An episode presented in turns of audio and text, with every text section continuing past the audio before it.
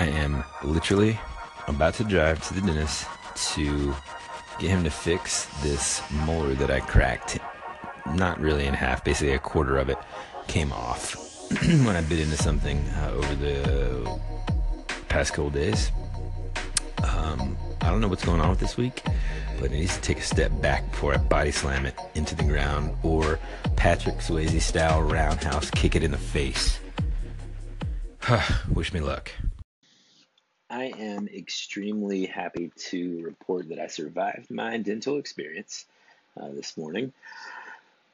Didn't uh, didn't get offered any laughing gas though, which is uh, interesting. I've actually never um, never had laughing gas, so I'm super interested to hear about anyone that has. You know, uh, give me a call and let me know what your experience was like. I've always just been curious uh, as to whether or not it's extremely realistic as portrayed in uh, movies and such. But yeah, let me know how that uh, worked out for you. And just to kind of give you a rundown of my day from this morning till about 12:30, I was in the dentist chair trying to email and text message clients in between um, getting my mouth worked on. But anyhow, um, I guess being at the dentist isn't everyone's favorite thing in the world, but my dentist is actually pretty awesome. So I don't mind it, truthfully, even you know, given the circumstances. So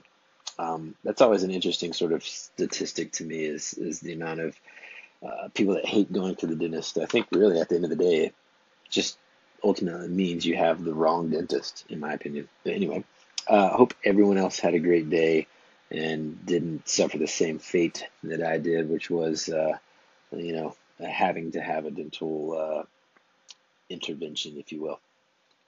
Talk to you later.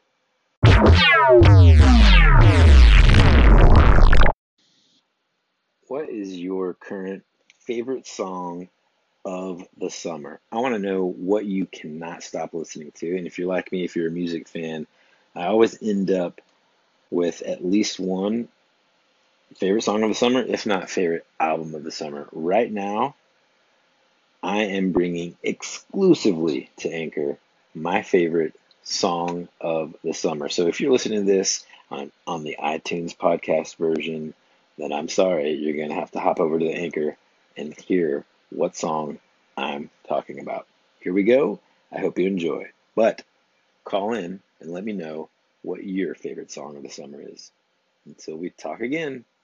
Yeah.